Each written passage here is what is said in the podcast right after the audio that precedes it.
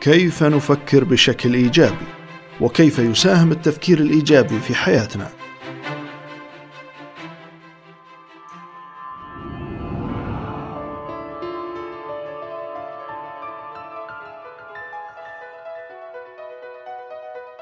حياكم الله أخوكم إياب المجول وحديثنا اليوم عن مهارة التفكير الإيجابي وقوته وأفضل النصائح لتمكينه.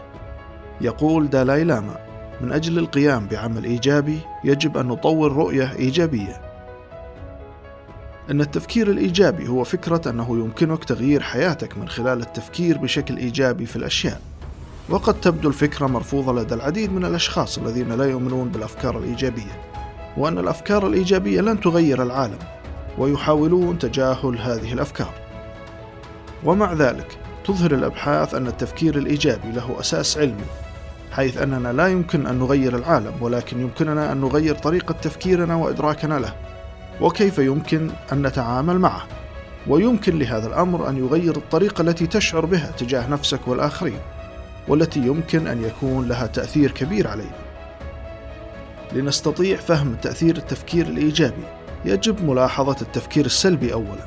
فمعظم المشاعر السلبية مثل الخوف والغضب تساعدنا في البقاء على قيد الحياة. لإنقاذنا من التهديدات المحيطة وعليه حتى التفكير السلبي قد تكون له نتائج إيجابية فأنت لا تريد قطف الزهور وهناك أسد يقف أمامك.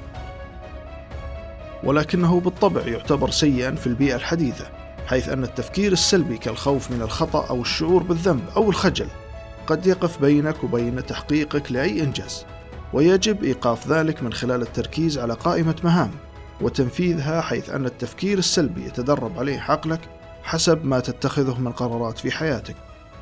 ويمكن أن يضعك في مشاكل متعددة مثل الاكتئاب والتوتر التي تنعكس على حالة جسمك الصحية. قوة التفكير الإيجابي قد تساعدك في تحديد احتمالات وخيارات جيدة في حياتك وهو ما نتج عن دراسة أجرتها باربرا فريدريكسون الباحثة في جامعة نورث كارولينا حيث سجلت المجموعات التي شاهدت صورا إيجابية ومفرحة قدرة لأصحابها لاتخاذ مجموعة من القرارات الإيجابية أكثر من المجموعات الأخرى.